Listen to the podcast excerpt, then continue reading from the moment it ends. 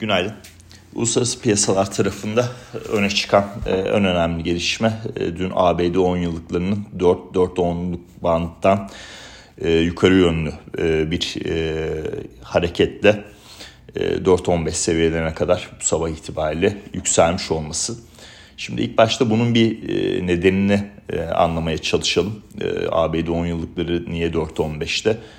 E, biliyorsunuz dün FED üyelerinden e, Kaşgari'nin e, işte e, 2023'de e, tavan FED politika faizinin tavan noktası ile ilgili bir yorumunu paylaşmıştım. E, illa 4.75'te e, bu olay e, faiz artışı sonlanacak diye bir durum yok. Cari enflasyon verileri kötü. E, dolayısıyla bunun üstünde bir rakam da e, olabilir şeklinde. Şimdi bu tabii e, 10 yıllık e, getirilerini de yukarı doğru sürüyor. E, nasıl e, sürüyor derseniz daha önceden bu matematiği paylaşmıştım. Çok basit bir matematik aslında.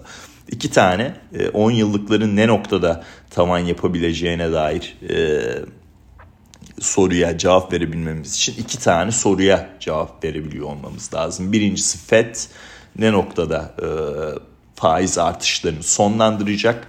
E, ikincisi e, ABD'de gerçek resesyon e, ne kadar derin olacak? Bu birinci soru ile ilgili olarak işte 4.75'in de üzerine gidebilir noktası 10 yıllıkları otomatikman yukarı çekiyor. İkinci soruya niye cevap arıyoruz? Yani onda nedeni çok basit. Bir resesyon döneminde yakın vadeli tahvil faizlerinin, getirilerinin e, uzun vadeye göre daha yukarıda olmasını beklersiniz ve bir arada makas vardır. Şimdi gelin bir e, basit bir hesaplama yapalım. Diyelim ki %5'te bitiriyor FED. %5'te bitiriyor.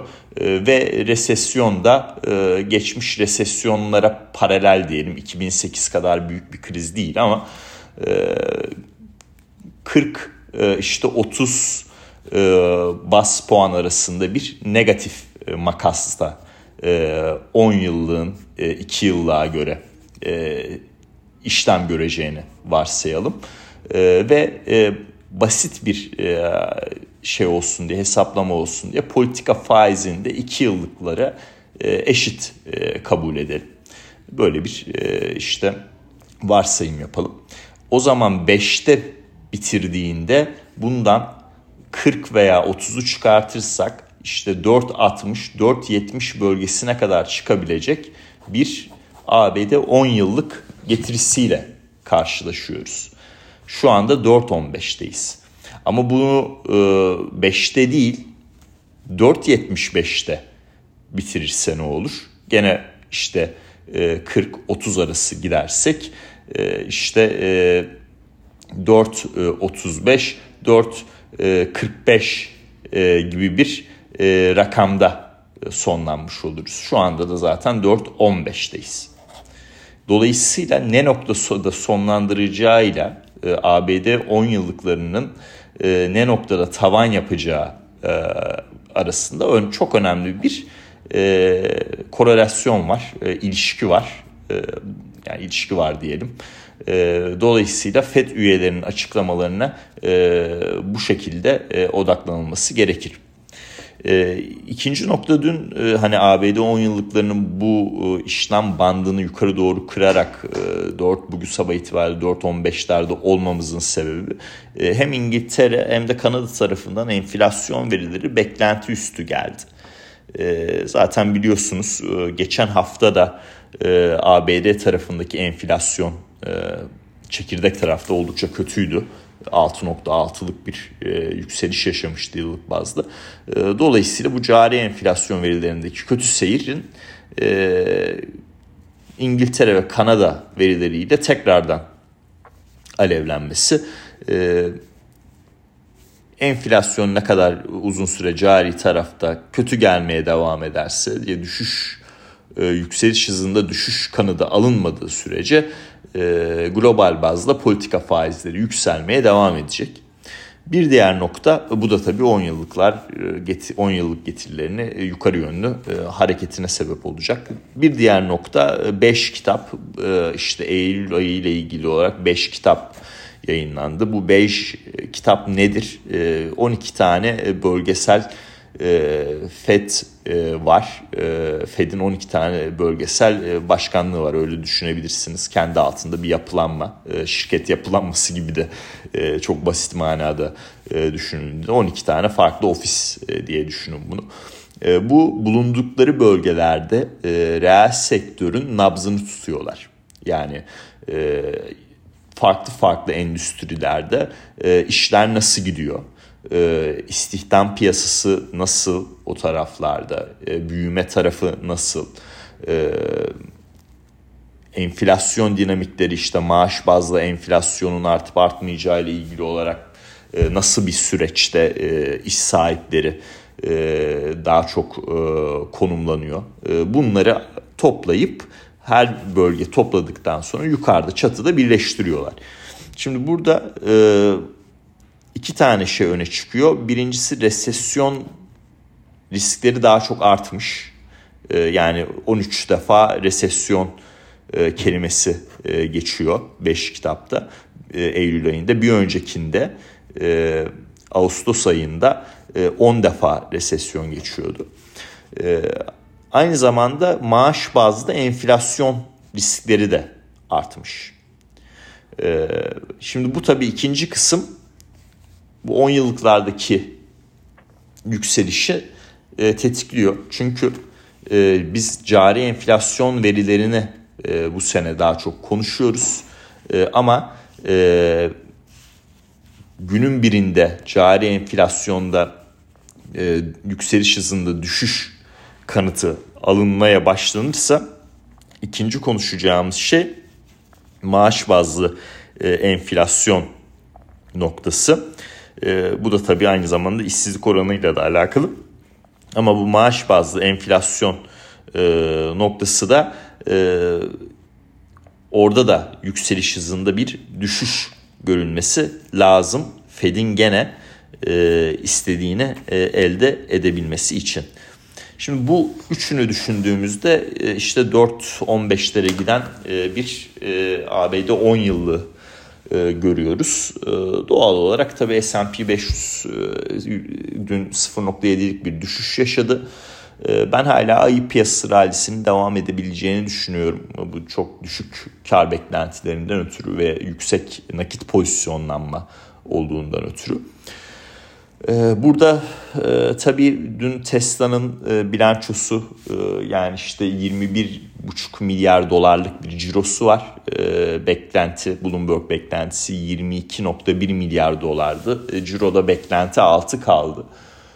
E, bunun ana sebebi güçlü dolar, dolar endeksi arkadaşlar. E, ama hisse başı kâra baktığımızda beklenti üstü. E, hisse seans sonrası %4'e yakın satış yedi e, iyi olmuş. Yani Netflix kadar e, kendimi güvende hissetmiyordum. E, o yüzden e, Tesla tarafında görmek istedim. Açıkçası bir e, öngörü sunmadan önce. E,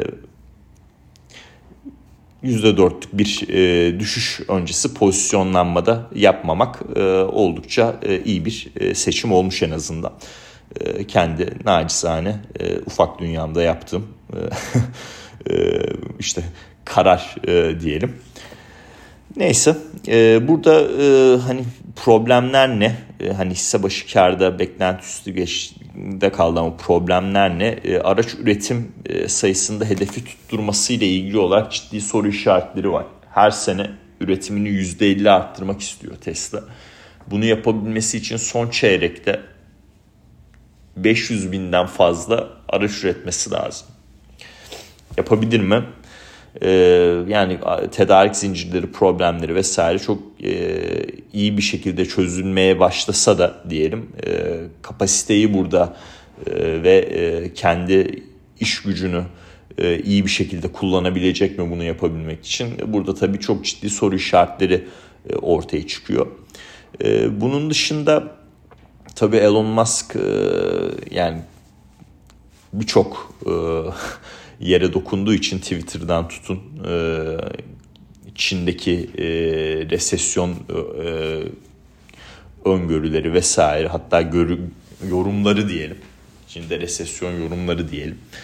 Ee, bunlar e, tabii hisse üzerinde de e, performans e, etkisine olumlu ya da olumsuz şekilde yansıyabilecek durumda e, daha çok olumsuz yansıyor diye anlıyorum.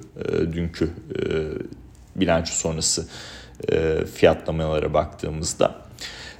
bir nokta önemli bir nokta yani Tesla'dan araç almak zor yani sıra beklemeniz lazım.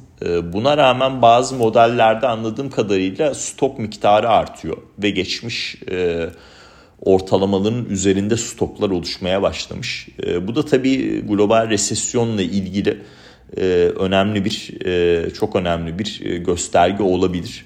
Onu da aklımızın bir köşesinde tutalım. Yani resesyon tarafında biz tabii 2 ve 10 yıllık makası konuşuyoruz ama ee, aslında en iyi gösterge 3 aylıklarla 10 yıllıklardır. Bu 18 Ekim'de negatife geçti. Yani resesyon sinyali verdi ee, bu makas. Ee, şu anda yani sıfırın çok az üzerindeyiz ama bir negatife geçiş e, yaşanmış oldu 3 aylıklarla 10 yıllıklar arasında. E, merak edenler için şeyi de paylaşayım. E, ikinci çeyrekle kıyasladığınızda e, Tesla'nın yeni bir Bitcoin alımı yok. E, mevcutu da satmamış. Hala 218 milyon dolarlık e, Bitcoin e, pozisyonu e, mevcut. Şimdi bugün e, 4 tane FED üyesi konuşacak. E, genel olarak e, fiyatlamalar bu bu e, açıklamalarla, konuşmalarla belirlenecek ABD seansında. Ee, oraya gelinceye kadar da Avrupa'da İngiltere e, politik süreçleri e, işte e, açıklanacak ekonomik veriler vesaire daha böyle bir bence bir yön bulmaktansa daha böyle yatay bir fiyatlama içinde olacaktır diye düşünüyorum. Yön bulmayı görebilmemiz için o FED üyelerinin konuşmaları sonrası bu 4.15'te olan ABD 10 yıllığının ne noktaya evrileceğini e, biraz daha iyi anlamamız lazım. E, petrol bir yükseliş yaşadı dün. E, işte stok verileri artış beklenirken ABD'de azalış göstermiş. Yani bu çok bir şey ifade etmiyor arkadaşlar. O 3 aylıkla 10 yıllık durumu bile o getiri makasının resesyon sinyalini vermesi bile 18 Ekim tarihinde yani bu petrol bir noktada tekrardan gerileyecek. Yani orada net bir şekilde e, farklı bir e, düşünceye daha e, bürünmüyorum. E, altın tarafı tabii getiriler yükseldikçe, e, tahvil faizleri yükseldikçe altın dayak yiyor normal olarak. E, ama gene de görece güçlü. Yani orada e, 1615-1620 destek bölgesi var.